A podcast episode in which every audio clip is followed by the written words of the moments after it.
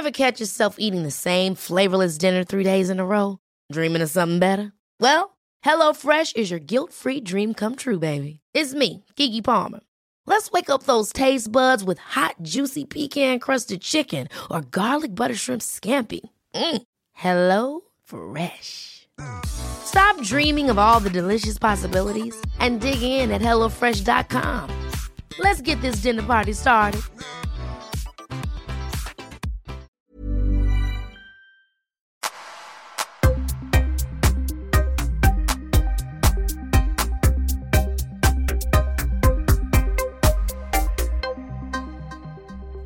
Daniel Larsson, välkommen till Öppet sinne. Tack så mycket Paul, kul att vara här. Ja, och sist du var här, då var det ju Paul Elvaje podcast, cirka två år sedan. Du var med i avsnitt nummer 55. Det stämmer bra det. Och det kallade vi för kostexperimentet. För då höll du på och körde 100% carnivore. 100% carnivore diet Ja. i två år tror jag det var då. Ja. Hur, eh, hur kändes det? Det kändes bra faktiskt. Eh, Det är ju någonting jag fortfarande gör. Nu är det väl mer en carnivore-ish diet. Ja. Jag skulle vilja säga att jag äter 80% kanske eh, kött fortfarande. Och eh, vad ska jag säga egentligen? Nej men det har varit väldigt transformativt. Mm. Jag började med detta egentligen på grund av magproblem och lite andra grejer som fixade sig känns det som. Mm. Jag har haft lite lättare att lägga på mig muskler. Jag tycker att mitt humör har varit mer balanserat. Och jag har haft väldigt mycket mindre inflammation. Jag kan träna ganska hårt utan att ha de här små känningarna i armbågar och i leder och så. Så att det är därför jag i stort sett har fortsatt. Ja. Mm. Så det är mitt spår egentligen. Men anledningen att det är en carnivore-ish diet är mer, hallå, det blir osocialt. typ. Midsommar, Ja, så, så strikt behöver man inte vara, nej. eh, har jag märkt. För, för när du säger, alltså just carnivore, för de som inte vet, vad innebär det? Ja, det innebär ju egentligen en kost där man bara äter animaliskt. Mm. Eh, Så att eh, huvudingrediensen är ju kött. Oftast så äter man ju mest nöt. Vilt. Mycket organkött ska man ju helst äta då. Det finns ett koncept som kallas nose to tail eating då. Just det. Där man har principen att man försöker äta alla delar av djuret. eh, Just för att få i sig alla näringsämnen och få en, liksom en komplett näringsprofil. För det är väl det första, den första oron man har egentligen när man går på en sån här kost. Liksom. Kommer jag få i mig allting? Kommer det funka? Kommer jag få brister? Sådär. Eh, sen kan man ju även lägga in lite mjölkprodukter, lite smör. Eh, men eh, det beror på hur strikt man vill ha och vilka problem man har och vad man vill fixa liksom. Mm. Eh, men så har det varit nu. Sen 2017 ungefär tror jag.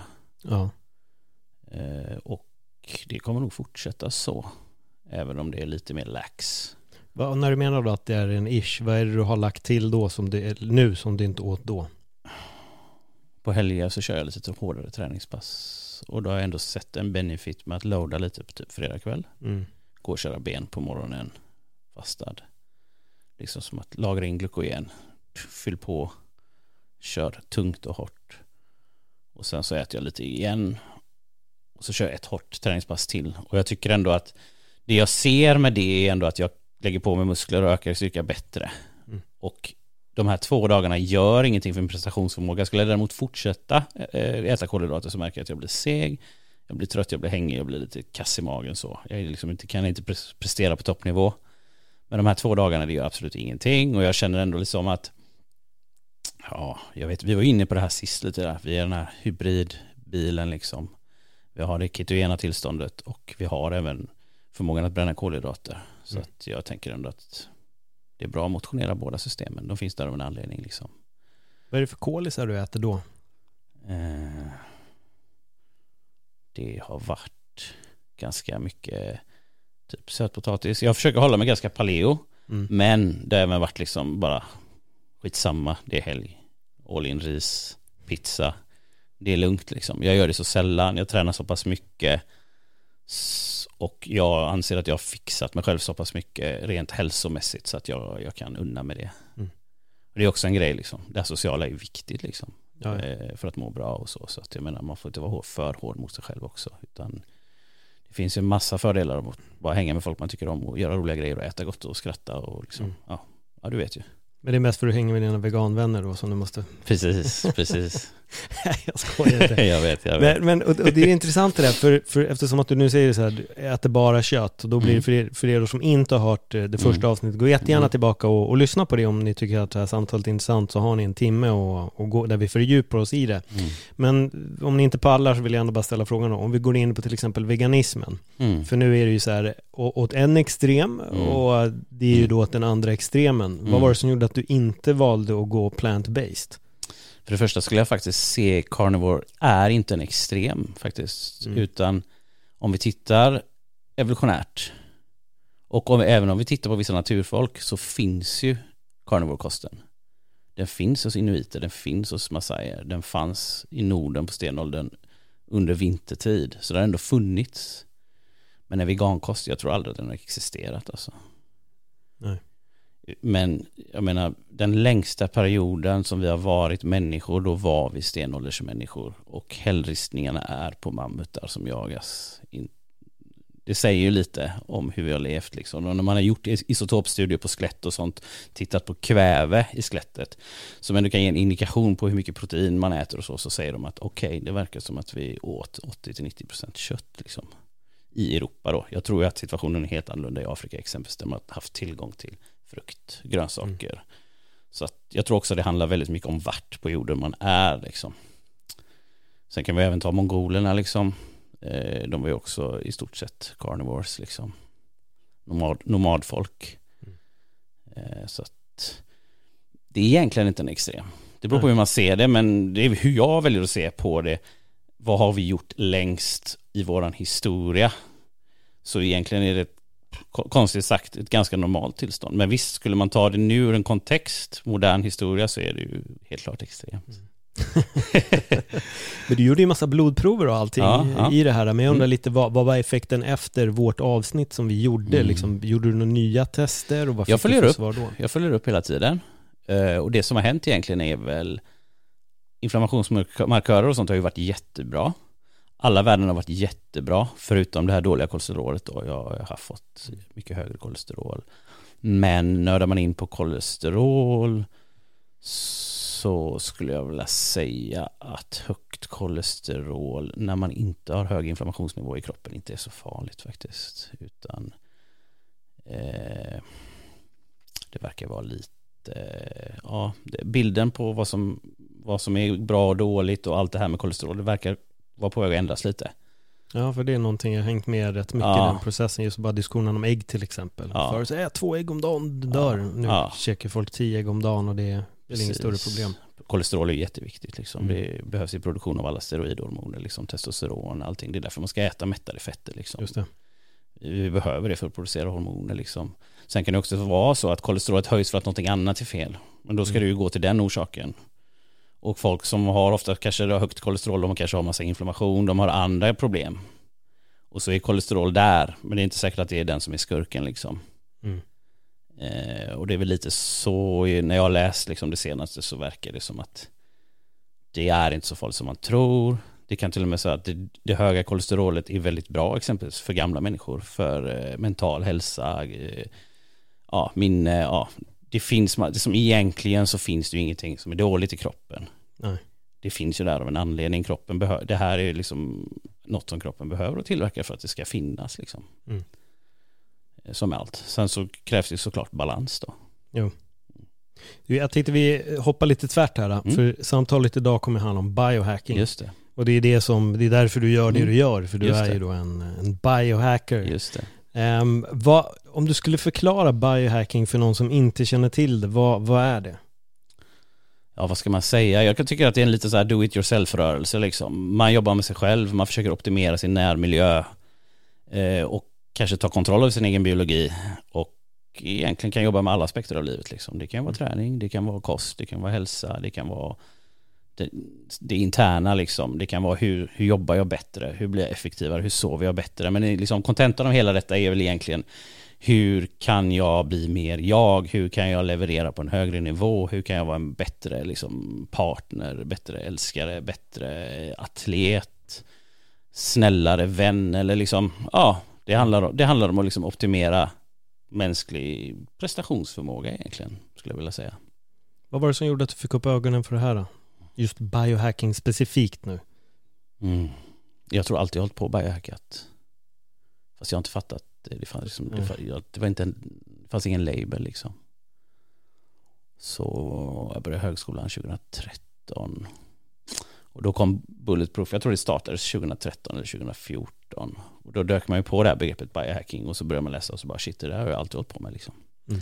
Och så går man i högskolan, man läser studier och så och då blir det ganska lätt liksom att Börjar man läsa studier så kan man, då får man lite öga, även om det inte är samma eh, skola liksom, så får man ändå lite ögon för medicinska studier och sånt. Och då började min biohacking kanske mycket, dels var det kostrelaterat, liksom få ordning på det, men dels var det också så här, hur kan jag lära mig mer saker fortare? Hur kan jag prestera bättre i skolan? Hur kan jag göra att jag inte är stressad när jag ska ha en tenta? Tid är värdefullt, tid är det värdefullaste som finns, liksom. mänsklig tid, det är, det är allt liksom. Det är det enda som alla vill ha mer av, men ja. Så Det- tid är inte pengar för dig? Tid är pengar. Tid är pengar. Alltså jag tänker, pengar är mänsklig tid. Jo, jag vet jag bara tänkte Ja. folk säger tid är pengar, tid är pengar, Ja. tid är pengar. Ja. Men det finns ju ett sätt att vända på det Ja, också. Tid jo, men är det- tid. Tid är tid får och det är väldigt tillbaka. värdefullt och hur kan jag få ut mer av mitt liv liksom. Så den resan var det tror jag. Så det har gått lite olika perioder liksom. Det har varit kost, det har varit försöka jobba med hur kan jag jobba bättre, hur kan jag plugga bättre, hur kan jag bli smartare, hur kan jag lära mig mer. Eh, sen liksom, hur kan jag leva längre, hur kan jag få bättre livskvalitet, hur mycket behöver jag träna, går det att optimera träningen? Och kanske nu, så här, hur kan jag arbeta bättre, hur kan jag vara effektivare på jobbet eller ja, så det finns mycket att jobba med helt enkelt. Mm. Så det är väldigt intressant, det är ett djupt kaninhål att dyka in i eftersom det innehåller allt liksom. Mm. Så att man kan säga att det är holistisk hälsa fast man plockar guldkornen liksom från massa olika discipliner och syr ihop det till ett koncept liksom. Där man jobbar med allt. Vilket är det du håller på med nu? Finns det någon specifik grej som du har lagt lite extra tid? För sist var det ju då som sagt carnivore-experimentet om vi säger Mm. det, kostexperimentet. Men vad, vad är det idag som du lägger lite extra fokus på? Jag kan säga så efter det så var jag var ganska djupt ner i anti-aging. Mm. Det är liksom en hel eh, eget fält inom biohacking, eller det är ju egentligen ett eget fält, men man tittar ju mycket på anti-aging, liksom. hur kan jag egentligen, kanske jag inte är så ute efter att liksom bli Gandalf, leva tills jag är 180, men hur kan jag öka den friska delen av mitt liv liksom? Det, har- det, det har varit, varit mycket fokus på de sista åren. Vad har du kollat in då? Eh, Jag har hållit på med, om vi bara kollar kort då, så har det varit syrgasterapi, peptider, självklart fasta, jag tror vi pratade om det senast, kosttillskott, ozonterapi. Mm. Det är väl det. Sen självklart jobba med sig själv, man måste vara lycklig liksom. Mm. Det är väldigt viktigt, minska stress. Spelar ingen roll hur nyttig du är, stressar du som en dåre så kommer du ändå till, ja, stress är viktigt alltså. Väldigt viktigt. Vad gör du för att få ner stressen? Just nu så tycker jag det viktiga är tydliga rutiner. Tydliga rutiner är viktigt. Ha en morgonrutin, kvällsrutin. Jag försöker gå upp och meditera varje dag. Mm. Minst 20 minuter, helst mer. Jag yogar väldigt mycket just nu. Och sen så framförallt lägga tid på sig själv, liksom, egen tid. Lugna ner sig, stanna upp, bromsa, kanske inte göra allting så fort. Vara närvarande är viktigt. Verkligen försöka vara det, lägga ifrån sig telefonen. Inte multitaska hela tiden, försöka göra en sak i taget. Det är någonting som jag har haft ett problem med, som jag verkligen får jobba på. Men det känns som att jag har lärt mig det lite grann och har blivit mycket bättre på det för att jag är medveten om det. så kan jag börja garva för.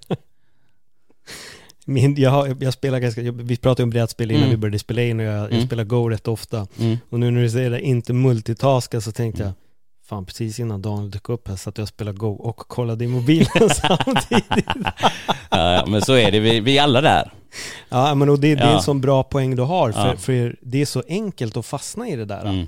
Att man säger, men jag ska kolla på det, gör det här, Mm. om jag kollar på det här klippet kan jag samtidigt scrolla för att jag kan lyssna liksom. Mm. Och Fan, det är nog en, en fara tror jag att vi har hamnat i det här otroliga multitaskandet istället för att bara göra en enda sak. Precis, och det är också så här, man vill ju optimera och multitaska är ju Ja. på ett sätt. Du optimerar, jag tar upp nycklarna innan jag går till dörren, jag gör det, jag pratar i telefon samtidigt som jag kör bil, eh, så här, spara tid.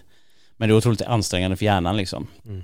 Det blir någon form av par parallellprocessering som hjärnan är rätt dålig på. Och vi ser ju vad som händer, folk blir utbrända liksom. Folk klarar inte det. Så att, eh, och det är ju för att du maxar hjärnan, liksom energiproduktionen i hjärnan hela tiden liksom. Den klarar inte riktigt det. Den mår inte bra av det. Så att jag tror att det är, det är otroligt viktigt att bara försöka stanna upp en sak i taget. Så kan man ju liksom ändå, du vet, gör du en sak på 20 minuter och så vilar du fem minuter så gör du en annan sak i 20 minuter så jag lovar det kommer bli effektivare ändå liksom. Mm. Så att, ja, det är något som är viktigt tycker jag. I alla fall relaterat till stress liksom. Verkligen. hjärntrötthet och sånt. Du, när du var inne på det här med att yoga och hitta rutiner, hur, Mm. hur ser en morgon ut? Just nu så brukar jag gå upp, säg halv fem, fem.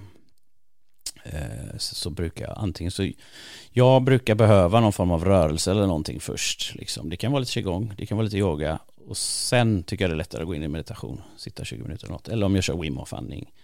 Jag behöver någonting, komma in i kroppen lite granna för att sen kunna landa. Och sen så efter det, ja, då är det 20 minuter meditation. Sen så kanske ett isbad. Kanske. Jag har, jag har lite olika perioder, jag gör olika grejer liksom. Eh, som jag nämnt, pratade om tidigare här. Jag, har jag en stress idag och har mycket att göra så kanske jag går, Jag har ju köpt en hyperbaric chamber. Mm. Jag tänkte vi skulle gå in lite mer på det sen. Kanske ligga i den och meditera. Perfekt. Där har vi ju optimera lite, göra två saker samtidigt. Sådär, så att eh, ja, men lägga mycket tid på sig själv på morgonen. Kanske lyssna på en inspirerande podd eller någonting. Liksom jobba igång sig själv. Sakta men säkert. Men eh, ja, lite kroppen, lite meditation. Bara börja lugnt och stilla och sen så försöka hitta inspiration framförallt. Det är som sagt, då kan man lyssna på en podcast, man kan lyssna på dig eller Mm. någon av dina intressanta gäster liksom. Så att eh, då har man lite satt intentioner för dagen liksom. Flyger man till jobbet sen så, Just det. ja. Jag tänkte här, när du pratade om en om isbad, för du skaffade en sån där också va? Jag byggde ett eget. Ja, hur gjorde du det? Är det en frys eller är det... Ja, man går typ till Mediamarkt och så hittar man en frys och så hoppar man ner i den och ser att man passar och så tänker folk shit, han ska frysa in sin eh, granne eller någonting. Ja. Och sen så finns det massa folk på internet som gör det här typ hela tiden. Så jag hittade någon grupp. Fick massa hjälp. Så det är egentligen, egentligen bara att köpa en frysbox. Det du behöver är att du behöver täta den med någonting. Eh, typ plastikpadding, men helst ska det vara plastikpadding som är avsett för dricksvatten eller någonting för du ska ändå ligga där i. Mm. Så gör man det och sen så kan man ju även liksom, vill man vara helt säker så kan man ju köpa någon form av poolduk eller någon dammduk eller någonting. Och sen är det bara att fylla den med vatten och så slå på. Och så kanske låter den, det tar 6-7 timmar första gången, sen så behöver den bara gå en, två timmar per dag. Så har du ett isbad liksom. Och vill du liksom gå all in som folk gör på nätet så finns det liksom folk som har byggt reningssystem och pumpar och ja du vet. Det är liksom en hel grej, du kan ha belysning och allt. Jag byggde något reningssystem, jag körde sönder på vintern. Eh, Men eh, ja, jag ska försöka fixa det igen. För att det är det enda som är mäcket lite, att hålla på och byta vatten in och ut. Men det räcker med en enkel pump bara. Men det är verkligen asnice liksom. Kan jag säga. Det är ett perfekt sätt att börja på mor- morgonen på. Hur länge sitter du? Ja, kan det vara? Jag kan nog sitta för tre, fyra minuter, fem minuter i alla fall. Mm. Bara andas lugnt. Mm. Det är ju det. Då går ner i ett isbad så det är, ju- det är det enda du måste göra, liksom inte trigga panikreflexer. Nej. Och sen så kommer du in i det här parasympatetiska lugna statet liksom. Eh, och då kan du verkligen bara sitta där och bara ta det lugnt. Mm. Jag tycker det är absolut inga problem så länge man har händerna ovanför. Det är oftast händer och fötter, liksom. det är extremiteterna som, det Ja. som tar mest stryk. Så. Så jag brukar sitta med händerna utanför, andas djupt, lugnt, långsamt. Och jag menar det är en grym sätt att börja dagen för det är ändå en rädsla liksom. Det är en sån, nej jag vill inte göra det här men övervinner du det så kan du fucking göra vad som helst. Eh, så Det finns ingenting som är jobbigt liksom. Nej. Så att det är, ja det är grymt. Jag vet, du är själv inne på isbad så jag tror, Ja. mm, Jo, jag höll på en hel del med det där. Jag, Mm. gick, jag gjorde mina, de här, jag har gjort de två kubvideosarna också. Mm. Innan jag löste den 3x3 och sen Mm. 5x5. mm, 5x5 var tuff. mm, Jag tror att det tog runt 9-10 minuter innan Mm. jag var klar med att, att lösa den. Men ehm, Det var intressant för det blev någonstans så blev det lite förvirrande också. För att lösa just en 5x5, det är fler moment man Mm. går igenom. Först löser man ju mittbitarna, sen löser man sidbitarna och sen ska man börja lösa. Och när jag hade löst mitten så började jag titta var jag skulle börja. Just det. Och jag inser att jag bara liksom förstår inte var jag ska starta. Mm. Jag sitter och snurrar på den ganska länge. Så bara, fan börja bara liksom, jag måste lösa någonting. Mm. Och då kom jag in i det igen. Just och det, var några gånger där jag kände att jag ville ut. Just men jag, jag bara, jag måste lösa den först. Det. Sen var jag ju skitnöjd när jag var klar liksom. Men det, Mm. var, det var utmanande. Det var tur att min polare bodde bara, hans port var fem meter ifrån liksom där jag gick i. Mm. Så jag gick upp till honom och duschade sen. Annars Mm. brukar jag ju åka någonstans och då ska man ju hem och då blir det kallt. Men här kunde jag ändå liksom direkt komma in i värmen och Just det. Så det behövdes. Men nej, jag gillar isvaksbad jättemycket men jag har kommit av mig rätt så Mm. rejält från den där och det märkte jag i år när jag bad att det var mycket mer utmanande Mm. eh, att gå i. Så det gäller ju också att göra det. Hålla det Verkligen, som så här kontinuitet är grejen ja. alltså. Ja, jag är med dig 100%. Mm. Tycker det är asjobbigt, jag har inte gjort det på ett tag. Ja, exakt, exakt. Och gör man det sen så är det piece of cake. Men det gäller verkligen i alla fall att göra det minst en gång i veckan. Liksom. Ja. Man behöver inte vara så extrem som jag som kör varje dag i perioden. Nu Mm. har jag inte gjort det på ett tag, men nu ska jag börja igen för att det är så jävla varmt. Så det är Ja. asgött liksom. Jag gjorde det det första året jag höll Mm. på. Då satte jag mig till och med på balkongen i kalsonger i snön Mm. och sådana där Mm. grejer och satt och mediterade. Bara för att Mm. vänja mig vid liksom, jag ska säga så, luften. Mm. Att bara anpassa sig till det var också en ganska stor utmaning. Och sen duscha och. Jag har gjort alla möjliga grejer med det Mm. där. Men det är, det är jävligt häftigt vad man uppnår både meditativt och Mm. sättet att kontrollera kroppen. Och, Ja men Det är precis. Jag tycker, det är många aspekter där liksom. Det är ju dels som du säger, det är bara så här, okej kontroll över min kropp liksom. Jag kan slappna av, någonting som är jobbigt kan faktiskt bli rätt nice. mm. Sen så är det den här övervinna rädslan grejen liksom. Och sen är det bara så här, kontroll över nervsystemet. Mm. Du sätter det, det är jobbigt och du bara, ja, men du bara, lugnt, bromsa, bromsa. Jag tror det är viktigt. Det blir som att man nästan lär sig någon form av stresstolerans eller någonting. Så att, Verkligen. eh, jag tycker det är grymma grejer. Jag rekommenderar för alla. Ja. Hemma och bygga isbad nu. Får du med dig familj och sånt också? Provar de det med eller är du på din egen Nej, jag har väl vissa nära vänner där som är, har blivit väldigt sålda. Tog ett tag att sälja in det. Mm. Men jag har en god vän, han är nästan mer taggad än mig nu. Ja. Så det är kul. Mm. Sådär. Och det har ju blivit otroligt mainstream alltså. Ja, alltså jag tror att i år har nog, det har nog aldrig isbadat så mycket folk som det har gjort i år. Nej nej, det är ju barnfamiljer, det är alla möjliga som är där. Alltså jag, vad hände? Förr var man själv liksom, men nu är det typ kö nästan. Men det är ju asbra liksom. Ja. Det är grymt. Perfekt. Så att, eh, ja. Vad, vad mer? Vad mer än sånt här? Vad, vad finns det? Du nämnde lite om hyperbaric Mm. chamber. Vad är Mm. den här syrgasgrejen förresten? För det har jag sett att du har Mm. gjort, men jag har aldrig riktigt förstått vad det är.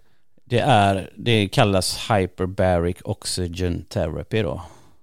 Så hyper betyder ju att det är mer tryck. Hypo är under, hyper är över. Så du är inne i en kammare där man egentligen sprutar in luft som man har höjt trycket på det så att du får ett tryck som att du är under vattnet då. Och sen så sprutar man, är man på ett sjukhus så sprutar man in eh, komprimerad ren syrgas. Det kan du inte göra hemma för syre, syre är rätt explosivt. Så då komprimerar du luft och sen så sprutar du in eh, kanske eh, vid sidan av med hjälp av en syrgaskoncentrator, typ 95% syrgas då. Och det som händer egentligen är ju att eftersom du ändrar trycket så kan dina lungor plocka upp mer syre än vad de kan göra normalt. Mm. Och eh, då kan du även fylla plasman egentligen i blodet med syre så att du, liksom, du blir som att du mättar hela kroppen. Och sen även för att trycket är annorlunda så kan syremolekylerna färdas längre ut i kroppen. Och man kan säga ett problem med åldrande är ju liksom bristande transport av syre och näringsämnen till delar liksom. Eller om man liksom har ett sår, ett diabetes eller något sånt, cirkulationsproblem kan man säga. Men ja, det, de problemen minskar ju då. Det blir mycket, mycket lättare och syresätta kroppen och då kan man sätta igång liksom läkning, går fortare. Eh, Så att man använder jättemycket exempelvis som jag sa där via diabetessår eller svårläkta sår inom sjukvård. Och det finns ju liksom massa grejer här. De, I Israel så gjorde de, eh, har de gjort en studie exempelvis där de faktiskt har lyckats backa biologisk ålder med hjälp av hyperbaric oxygen therapy. Oj. Då går man jättedjupt och gör de här behandlingarna under en period. Och då har man sett sen att eh, man har liksom kunnat få effekt på de här telomererna. Jag tror vi nämnde det lite sist eh, i förra podden. Jag vet inte om jag ska gå in på det snabbt för en telomer är, men... Ja men liksom på vilket sätt backade de åldern? Vad, vad hände? Jo men det är exakt då eh, man kan se, vad ska man säga, telomerer är lite som en, eh, varje gång en cell delar sig så klipps telomeren. Mm. Eh, Och det är liksom li- lite som en, vad ska man säga, ja, det är en indikator på ålder egentligen. Kan man få telomererna att börja växa ut igen, då har man backat åldern lite grann. Men du får gärna fråga så får jag förtydliga. Ja, och då, då undrar, för det undrar nog alla, liksom, Mm. blir det till och med att man föryngras rent visuellt, alltså nej, ansiktet? nej, eller är det bara... nej, det är, jag skulle vilja säga det är Inombords? Ja, inombords, cellulärt åldrande och visst, antagligen så kan man ju nog börja se lite fräschare ut. Jag tänker att man börjar rejuveneras lite grann, men det här är ju framförallt biologiskt åldrande på insidan då. Mm. Eh, sådär. Det går ju säkert att göra på, på många sätt. Jag tror det är inte helt fullkomligt om man backat åldern då, men det har ändå, de har ändå fått saker att hända. Det finns ju såklart bara en studie. Sådär, så att jag menar det är inte heller så här. Det krävs ett antal studier för att liksom det ska vara konsensus inom detta, men ja, det är ändå någonting som man kan säga är, är värt att titta på, tycker jag. Tror du att vi kommer kunna backa det fysiska åldrandet i framtiden? Ja, det tror jag. Jag tror redan kan det till en viss del. Eh, det tror jag. Det finns ganska mycket intressanta saker, men frågan är om det kommer att vara accessbart för gemene man eller om det kommer att vara för, för folk med mycket pengar bara. Förmodligen. Det är så det kommer att vara, Ja. som det alltid är. ja. Nej men så hyperbaric therapy då, ja, den är jättebra för återhämtning såklart då. Mm. Du kan ju syresätta och liksom, eftersom du påskyndar läkning så påskyndar du återhämtningen. Det finns mer syre, kroppen kan jobba bättre, den kan transportera näring. Eh, jag försöker ligga där några gånger i veckan, andas syrgas. Man mår riktigt bra. Ligger man länge så blir man nästan lite euforisk. Jag kommer ihåg Michael Jackson, han sov ju en sån här. ja, det, var, det är en sån där. Ja. Jo, Mm. just det. Så han var redan inne på det då. Mm. Eh, jag tror Justin Bieber har en också. Så att det, det är många som pysslar med det. Vad kostar den? Det finns allt från cirka 50 000 upp till, som det är med allt, oändligheten liksom. Eh, det beror lite på vad du ska ha för någon. Men om för hemma, för he- home use så kan du ju inte ha en sån, eh, det finns ju egentligen då det är soft chamber är ju den du kan köpa och ha hemma. Då kan du liksom kanske gå till en och en halv atmosfär. Köper du en hård tryckkammare så kan du kanske gå till fem. Det, du kan nog gå ännu djupare om du vill, men då är det ju liksom, eh, ja, du behöver ett stort rum och det, ja, det kostar mycket pengar liksom. Mm. Here's a cool fact a crocodile can't stick out its tongue. Another cool fact you can get short term health insurance for a month or just under a year in some states.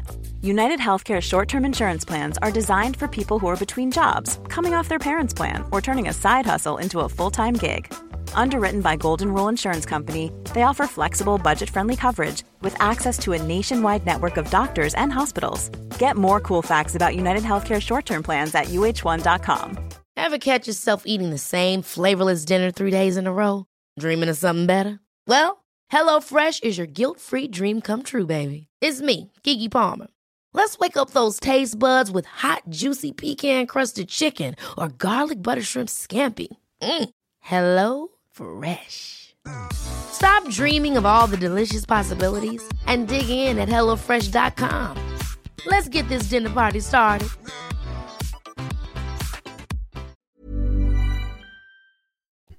Men eh, en soft chamber kan du nog få för me- mellan 50 och 150 000, är rätt bra. Oj. Ja, Det är billigt, som hittat. precis, det är asbilligt. Nej, det är ju inte så billigt, men om man egentligen då ser vad den kan göra och effekten det får liksom i form av hur mycket mer energi. Jag känner att jag behöver sova mindre. Jag eh, känner att jag kan träna typ mycket, mycket mer. Jag känner till och med att jag är, om jag använder det mycket, att jag är lite gladare liksom. Det bara allt känns som allt funkar bättre liksom. Ja. Eh, och sen så finns det lite studier att det kan stimulera liksom eh, stamcellsproduktion. Eh, jag känner också en så här mild kognitiv boost av det. Som inte är stimulerande, typ som kaffe eller så. Så det är rätt schysst. Och det är, det är ganska logiskt liksom. Mer syre i huvudet, det funkar bättre. Just det där med syre tycker jag är intressant som du nämner här. Mm. För vad kan man göra mer för att förbättra sin syresättning i kroppen? Ja, men du kan ju såklart jobba med andningen. Jobba med, ja men typ Wim Hof. Jobba med hållandning eller liksom buteco breathing. Eh, och så självklart bara konditionsträning. Så kan du ju tweaka till det. Du kan ju köra konditionsträning eh, med, med syrgas. Det är ju många som gör. Det finns ett sånt live O2-system som du kan köpa och då kan du ju liksom simulera hög höjd. Så du går ner, går upp och så kör du syrefattigt. Och så när du håller på att flämta och dö så går du ner och så kör du jättesyrerik miljö och då blir det liksom nästan som att mitokondrierna de skriker efter syre och sen så bara släpper du på fullt. Och det säger de ju liksom ska stimulera tillväxt av fler mitokondrier och liksom även träna dem på att bli mer syreeffektiva. Jag menar Wim Hof andning eller bara hålla andan eller liksom, det är ju samma sak egentligen. Mm. Du, du verkligen tränar din kropp på att bli mer syreeffektiv liksom. Och det gör du, jag inte, vara ute och springa är ju perfekt. Eller kanske träna med en sån, det finns en sån mask du kan ha bara som stryper syretillförseln lite.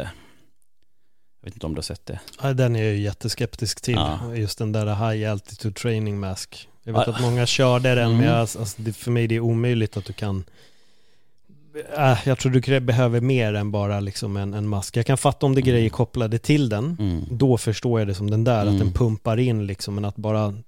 Då kan Ja det blir ju bara egentligen, du får ju in det mindre syre. Mm. Så, så te, teoretiskt, sen vet jag inte, jag har aldrig testat, men teoretiskt känns det som okej du får i dig mindre syre, så du tränar med mindre syre, du vänjer dig vid att Mm. arbeta med mindre syre, vilket är mycket jobbigare liksom. Eh, Men sen såklart eh, är det ju bättre och kanske köra som jag sa, en hög höjd, då blir det ju på riktigt liksom. Exakt, Mm. exakt. Så är det ju. Så är det ju. Så det, är, det är för de som inte har så mycket pengar då. Budgetvarianten. Måste finnas något för alla. Ja det måste verkligen, men det dyker ju alltid upp de här grejerna som finns där under en Mm. period och sen Mm. så försvinner de. Mm. Men det är ändå väldigt spännande det här med, med hög höjd och hela den biten. Mm. Det är två grejer som jag tänker på här. Floating, Mm. jag vet inte om vi pratade om det sist, men är det något Nej. du själv hållit på med? Jag tycker det är asnice. För jag har också gjort det två gånger, det är Ja. sjukt skönt alltså. Mm. Det är grymt. Va, hur kommer det sig att du inte har köpt en floating tank? Du har för mycket grejer hemma så du får Mm. inte plats. Det är lite så, man måste köpa ett hus först. Ja. Annars hade jag nog köpt mer grejer. Nej men jag var, jag var, jag var floatad en hel del. Då var jag väldigt nära att köpa en floating eh, ställe liksom. Mm. Jag var helt såld. Men det är rätt mycket, du vet. Du ska ha jävligt mycket salt i det här. Ja. Eh, Det är ju det en stor del varför man mår så bra, för man får i sig otroligt mycket magnesium liksom. Man blir helt varm. Men det var rätt mycket alltså, du vet kommunen ska komma dit och vattenprover och det, är- det är rätt mycket pill med det där alltså. Mm. Eh, Men floating, ja, jag tycker det är grymt liksom. ja, jag har fått speciella upplevelser av att vara i Mm. det. Det är väldigt, ja, det är, det är Mm. grymt. Det är Jag kan säga att hyperbaric kan vara lite liknande för att du har ju det här sensory deprivation, du liksom stänger ju av allting. Och när du går in i hyperbaric så är det samma sak, du går ju in där i en bubbla liksom och så stänger du in dig och så höjer du trycket. Du ligger ju där, du hör ju ingenting, du ser ju knappt någonting, du kan ju ha med dig en lampa och allting. Mm. Men eh, ligger du där inne och typ mediterar eller någonting så, så skulle jag vilja säga att känslan är lite lik alltså. Och som du säger, man kan ju få fantastiska upplevelser så Ja. det är asnice. Jag gillar verkligen floating. Sen från floating när man stänger av allting och att det är mörkt så tänker jag Mm. då på vintern så blir vi ju i princip sensory deprivated med tanke Mm. på att det är mörkt konstant. Vad Mm. kan man göra där? För det är någonting som väldigt många i vår del av världen blir påverkade av, det där konstanta mörkret. Mm. Hur kan vi tillsätta mer liksom, positivt ljus i Mm. våra liv så att man kanske inte går in i de här vinterdepressioner och så vidare? Är det något du har koll på? Jag jobbar jättemycket med ljus och eh, från början så och det jag jobbar mest med och som vi kanske på Biohacking Collective jobbar med det är ju rö- rödljusterapi liksom. Rött ljus, rött ljus och infrarött ljus i specifika våglängder eh, är, det finns ganska mycket studier, det är bara att googla egentligen, men eh, det är mer eller mindre bevisat att det kan påverka energiproduktionen i vår kropp liksom. Eh, det underlättar ATP-produktionen i mitokondrien då. Mm. Och det är därför man får mer energi på sommaren också. Tänker jag. Att liksom vi är ljusvarelser, vi behöver lite ljus. Processerna i kroppen rullar lättare om det finns ljus. Så, rödljus funkar alltså på vintern? Användas utav rödljusterapi Mm. funkar som ljusterapi då? mm, det tycker jag. Sen så kombinerar jag det med UVB också. Vad är det? Vad är UVB för något?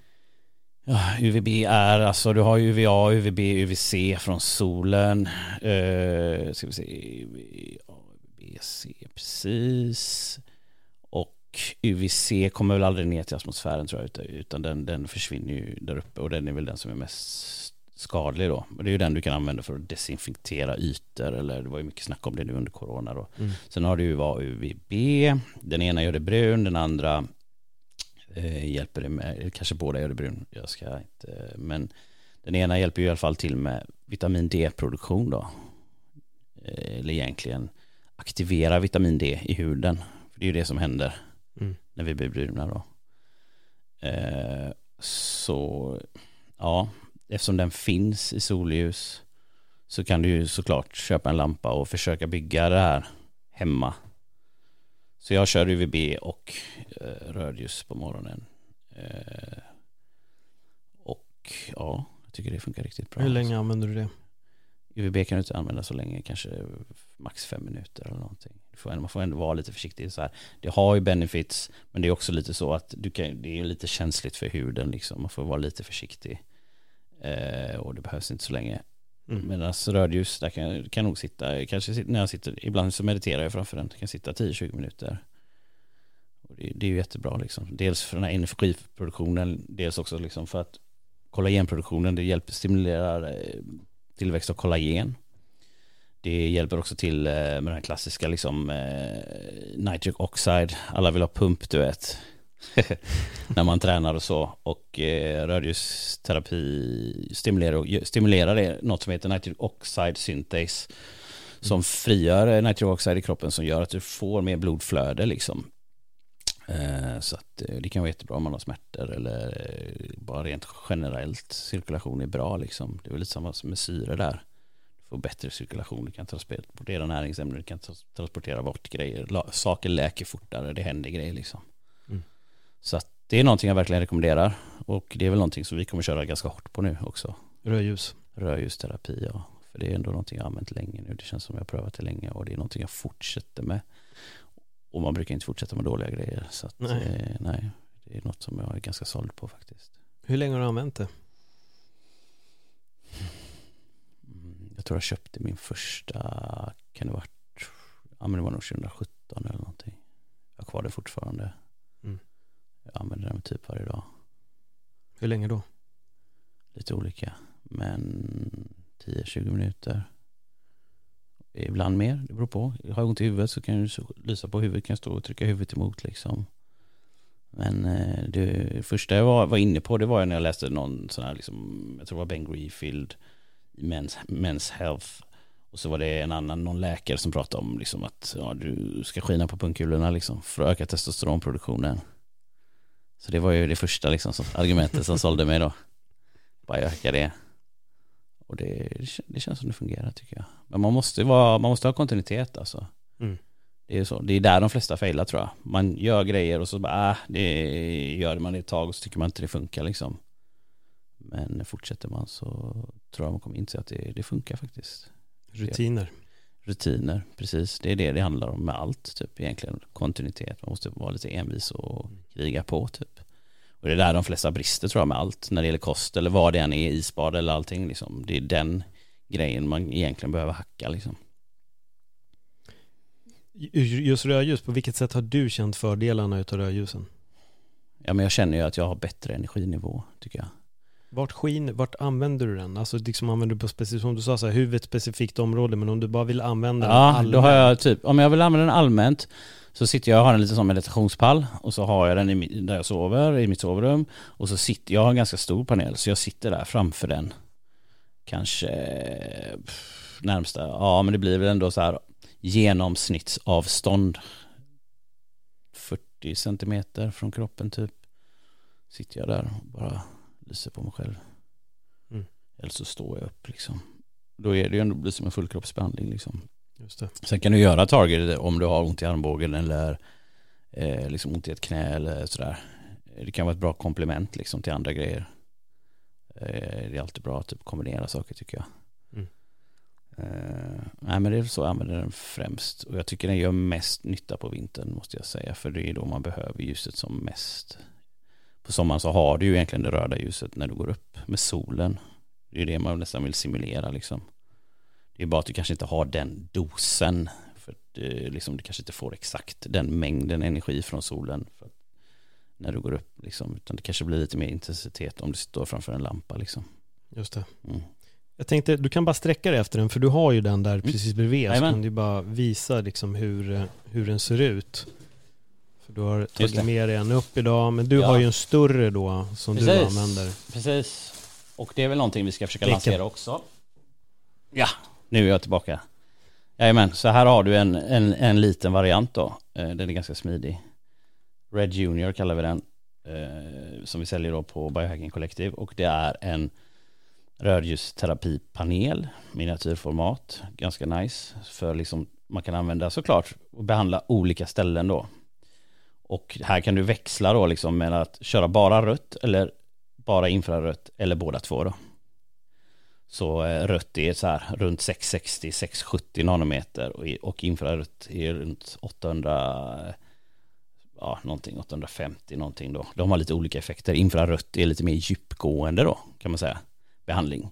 Medan den röda är mer kollagen, ansiktet. Det går inte lika djupt då, men eh, effekten är typ samma. Liksom. Det är bara att eh, den infraröda kan gå lite djupare. Eh, och sen så kanske man ska vara lite, här, lite, käns, lite försiktigare med infrarött ljus exempelvis. Rött ljus är jättebra för ögonen. Det finns studier på att det är jättebra för ögonen om man har problem med ögonen och sånt. Men infrarött, eftersom det bildar ner värme och går lite djupare så hade det kanske varit lite mer försiktig med infrarött i ögonen. Det funkar men man får vara lite mer försiktig med det liksom. Mm. Eh, och eh, ja, vad ska man säga? Nej, men vi, vi är stolta, vi har plockat fram den här. Det är verkligen någonting vi tror på. Mm. Eh, våran main grej innan har varit glasögon liksom. Exakt. Ja, så och jag menar glasögon är ju någonting som jag använder dagligen. Det här är någonting jag använder dagligen, det är någonting jag tror på.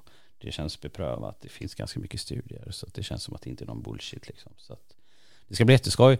Det här blir liksom den första, vi har sålt ett tag, men det här blir den första som är våran egen om man säger så. Och sen Okej. så hoppas vi på att det ska komma lite större, lite häftigare modeller sen, om marknaden tillåter. Får vi se hur folk, folk, intresserade folk är, men jag tror verkligen det kommer bli en stor grej liksom. Det är det jag har känt på. Så Jag har ju provat den. Mm. Eh, Jag fick även den första tidiga och den här är ju då starkare. Jag Mm. testar den, jag upplever någon form av effekt, Mm. men jag brister i kontinuitet. Mm. Precis det du säger, men Mm. det jag kunde känna, det var ganska många gånger, jag kan vara lite spänd vid axlar och Mm. skuldror när jag tränar nacke och sånt så kunde jag känna att när jag använde den där. Dagligen, jag fick en ganska bra rutin där det var Mm. andningsövningar, kalldusch, rörelse och sen satt jag framför den där Mm. och körde just på ryggen och då upplevde jag ändå att nå- någonting hände. Mm. Jag kan inte sätta finger på vad, Mm. men jag kände att jag blev lite bara, Mm. kroppen kändes lite, lite bättre. Mm. Det var väl den, det var Mm. min, min känsla av den. Men jag ska, börja, jag ska tillbaka till den och verkligen Mm. lägga mer kontinuitet och mer tid. Så jag får nog anteckna några av de där grejerna som du förklarade med var man skulle ha den och vilka Just det. frekvenser man skulle Just ha så att jag kan det. testa det också och experimentera. Så får jag väl gå ut på Instagram och lägga någon eh, feedback där med vad Just det jag upplevt. just det. Jag ser fram emot. Men jag tänkte att vi hoppar på brillorna. Mm. För de här har jag använt ruskigt mycket. Mm. Och det är ju era blue light blockers. Nu finns det. det ju olika varianter. Det Mm. här var de första som jag fick och då Mm. var det just sömnen. Mm. Det var ju det, att ta på sig Mm. de här på kvällen innan Mm. man ska lägga sig. Mm. Och jag tänkte att det kan ju inte ge någon så kanske stor effekt, men det här är en produkt som jag faktiskt använt hela tiden sedan jag fick den. Jag har alla era glasögon och jag har använt dem så jävla mycket. Och jag har märkt stor skillnad på sömn. Mm. Och det lustiga är när jag tittar på massa bilder från när jag kommenterar MMA Mm. så slår det aldrig fel att jag sitter med Mm. dagsglajjorna på. Mm. För, för det var bara ett test. Jag tänkte säga ta med mig dem. Mm. För det var en grej jag märkte. Jag har alltid upplevt när jag går in i ett köpcentrum eller är på en mässa eller något Mm. så blir jag väldigt irriterad i ögonen. Och då rent slumpmässigt testade jag bara att ta på mig de här dagsglajjorna och kände att den känslan försvann. Direkt. Mm. Men vad är det som gör att de här glasögonen har den, har den effekten? Ja men det, är, det har ju mycket med det blåa ljuset att göra egentligen. Eh, vi hade ju glödlampor en gång i tiden, de är förbjudna nu. Där har du ju faktiskt ett mer fullspektrumljus. Eh, men nu går vi mer, mer mot LED. Det ska vara energieffektivt. Men det kommer ju också med en kostnad liksom. Eh, du får inte det röda ljuset som är det naturliga, eller du får inte mer fullspektrumljus, någonting som är ungefär som solen. Sen är det ju så här att vi har ju ljus hela tiden så att vi rubbar ju även den här naturliga rytmen som vi bör ha. Så vad man kan säga det här är ett ganska enkelt sätt egentligen att lura kroppen. Det sitter grovt förenklat som en ljussensor egentligen som känner om det är natt eller dag eller vad det är. Och den här ljussensorn den styr hormonproduktionen liksom. Så när det är mörkt så börjar kroppen sända ut eh, melatonin liksom. Nu är det dags att sova. Men har du då, liksom, sitter du framför en skärm på natten så kommer inte kroppen få den signalen. Den får kanske den signalen lite grann men den kommer inte få den lika mycket. Och det kommer ju göra att du producerar mindre melatonin. Och melatonin är ju sömnhormonet. Eh, och det är, den är även en jättestark antioxidant så det är sjukt föryngrande. Jag var lite inne på anti-aging och sånt mm. liksom. Och sömn är asviktigt och där kommer vi till egentligen till sömnkvalitet också liksom. Att du ska, bli, du ska sova bra och hur viktigt det är för liksom, att allt ska fungera. Jag skulle vilja säga att det nästan är det viktigaste liksom. Och det här är ju en ganska enkel grej liksom. Du filtrerar bort det skadliga ljuset men du kan också liksom genom graden av styrka verkligen sända tydliga signaler till kroppen liksom. Nu är det kväll i detta fallet då. Du blockerar ut ganska mycket av ljuset. Och eh, ja, på något sätt simulera lite hur det hade varit om du hade levt ute i naturen eller någonting. Just det. Nej, den är, ja. Mm. Jag sitter och hyllar den för mycket men mm. för mig har den varit eh, jätte, jättebra. Jo men det är samma med mig. Och det är som du säger det där med, med för dig med rödljus, är det mm. någonting man fortsätter med så är det också någonting som funkar. Mm. För de här har jag haft varendaste dag, alltså mm. ända sedan jag fick dem. Mm. Och jag trodde inte det, jag har fått mycket mm. grejer under mina år mm. alltså, men det här är verkligen den enda produkten som har bestått. Mm. Och det här är den enda grejen som jag alltid tar med mig på resor, dag och nattglajjorna. De följer med överallt var jag än åker. Det är en sån enkel grej också. Ja. Det är så jävla simpelt liksom. Men båda grejerna handlar ju lite om så här, okej okay, vi, vi modellerar och vi hackar ljuset lite. Vi, vi lever inte utomhus tyvärr. Mm. Vi, vi är en inomhusmiljö. Och hur kan vi simulera eh, lite liksom utomhusförhållandena i våran miljö och ta med oss dem in för att liksom optimera för att må bra liksom. Och det, det, det är det som händer liksom. Och blått ljus är visat att det är jättestressande. Liksom. Du kan använda blått ljus i performance-syfte. Eh, kan du göra liksom, för att bli lite piggare. Det är ju stimulerande. Men du vill inte göra det hela tiden. Jag vet att det fanns sådana här råttstudier som man lyste dem med blått ljus och de fick liksom, hade ökad risk för diabetes och mer stress och allting. Och har, de har även gjort studier på liksom att blockera ut blått ljus och att folk får bättre sömnkvalitet och så. Så det är ju ingen bullshit. Jag, jag tycker att det är ganska, här, det är ganska simpelt. Nästan alla förstår det att ligger man i sängen och tittar på mobilen mitt i natten så kommer en del av hjärnan tro att det är dag liksom. Ja. Så det, det, är rätt logiskt egentligen. Sådär. Hur har det funkat, alltså rent studiemässigt som du säger? Om vi går in mm. lite djupare i, i mm. studien, mm. vad säger de om, om just eh, blockers? För det har ju blivit populärare. Mm. Det, är, det är fler mm. och fler vet ju om vad det är. Mm. Nej, jag vet att de gjorde det på ett gäng, jag tror det var schweiziska unga män. Och det är svårt när man gör studier på människor egentligen. Det är väldigt mm. svårt liksom. Men eh, alla upplevde att de hade bättre sömnkvalitet, lättare att sova och så. Så det finns lite olika grejer. Men det är väldigt svårt. Människor, vi är rätt komplicerade. Det går liksom inte att låsa in oss i en box. Nej. Utan det kan vara allting man gör. Och man kan ju inte ha kontroll på allting. Eller liksom, det är väldigt svårt att göra sådana studier. Men sen som du säger, personliga erfarenheter, ja, och rent sådär så kan man ju titta liksom i ett spektroskop och se.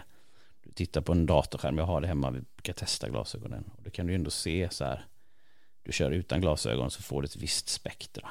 Och det är ganska, om du tittar, lyser mot solen så, så kommer du se att det är jättemycket blått.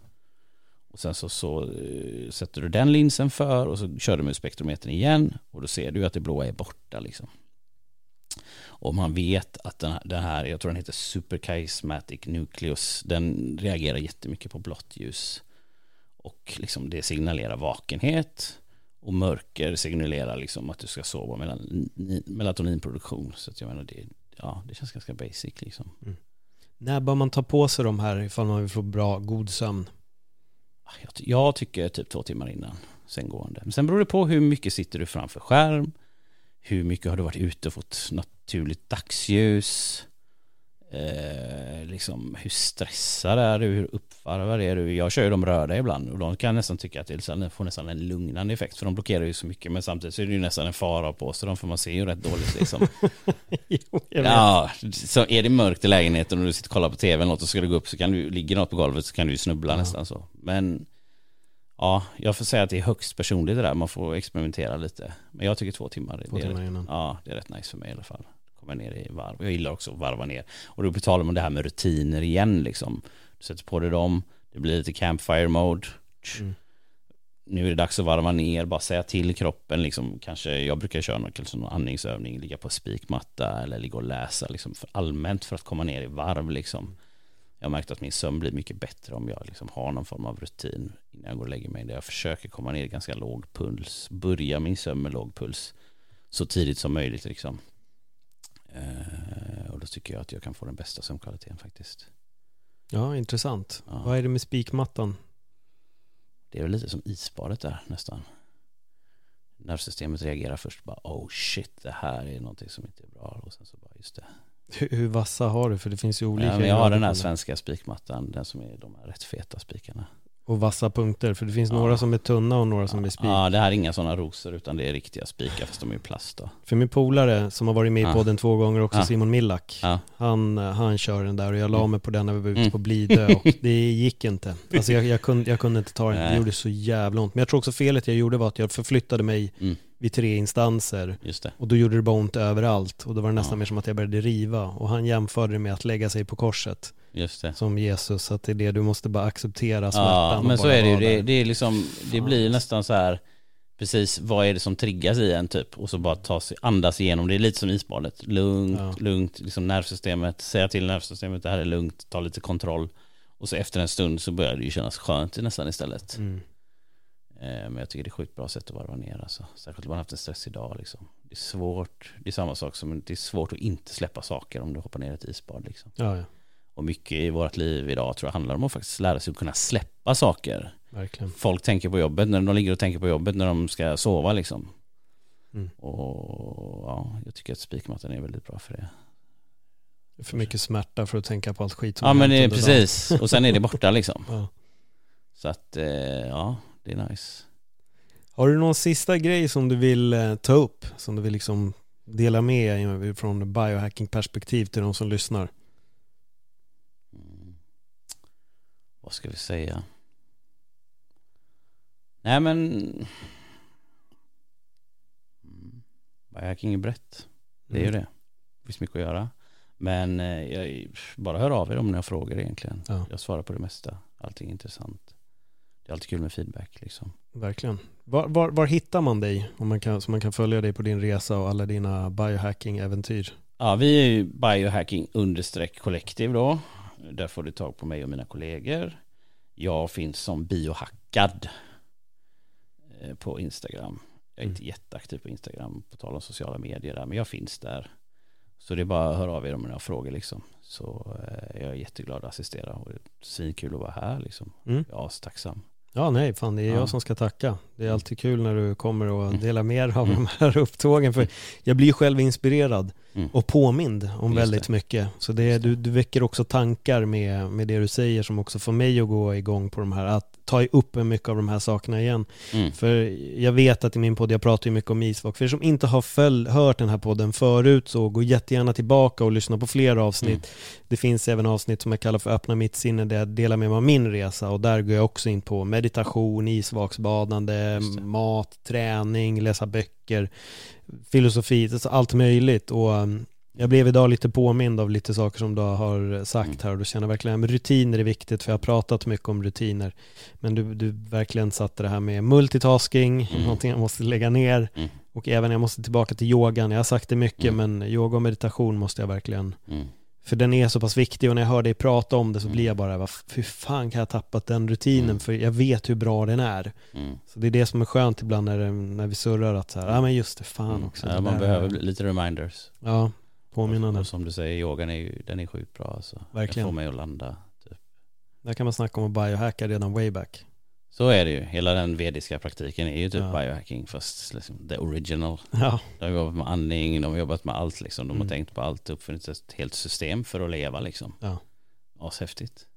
Men vi, du erbjuder ju också lite ehm, grejer här. Då. Mm. Ehm, om man går in och handlar hos er Mm. så alla länkar och sånt kommer ni hitta i Mm. bion. Mm. Ehm, men då kan man få lite rabatt. Jajamän. Om man använder sig av koden sinne Sinne, och där så, hur mycket rabatt får man då?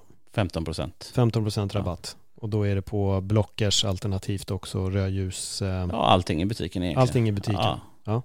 Nej men grymt. grymt. Grymt. Så passa på, hoppa in på, vad är adressen? Biohackingcollective.se buyhackingcollective.se och hoppa Ja. in, använd koden sinne så kan du få rabatt på, på produkterna. Mm. Daniel, Mm. återigen, stort tack för att du Grymt. kommer in och delar med dig och eh, som du själv säger, du är din egen lilla experimentkanin tror jag du sa där i första avsnittet som vi Jo som men vi så är det, det experimenteras en hel del men det, Mm. det är roligt. Det är roligt. Kul att vara här och dela också. Jag väntar bara på att du skaffar ett hus till slut så att jag kan komma och Mm. hälsa på. Du har Mm. allt. Mm. Det din det kommer. Huset kostar 50 000 men biohacken-produkterna är värt en miljon. Så det är Exakt. ja det är grymt. supertack så jättemycket. Om ni Mm. gillade det här avsnittet, glöm inte att dela det på era sociala medier. Kolla in biohacking, följ även biohackad på Instagram. Följ mig, att Elvaje, så får ni ha en jättebra dag och kom ihåg att njuta av solen, se till att andas och tänk på sömnen. Och få bort all stress och multitasking. Tack för den här gången. Hej då.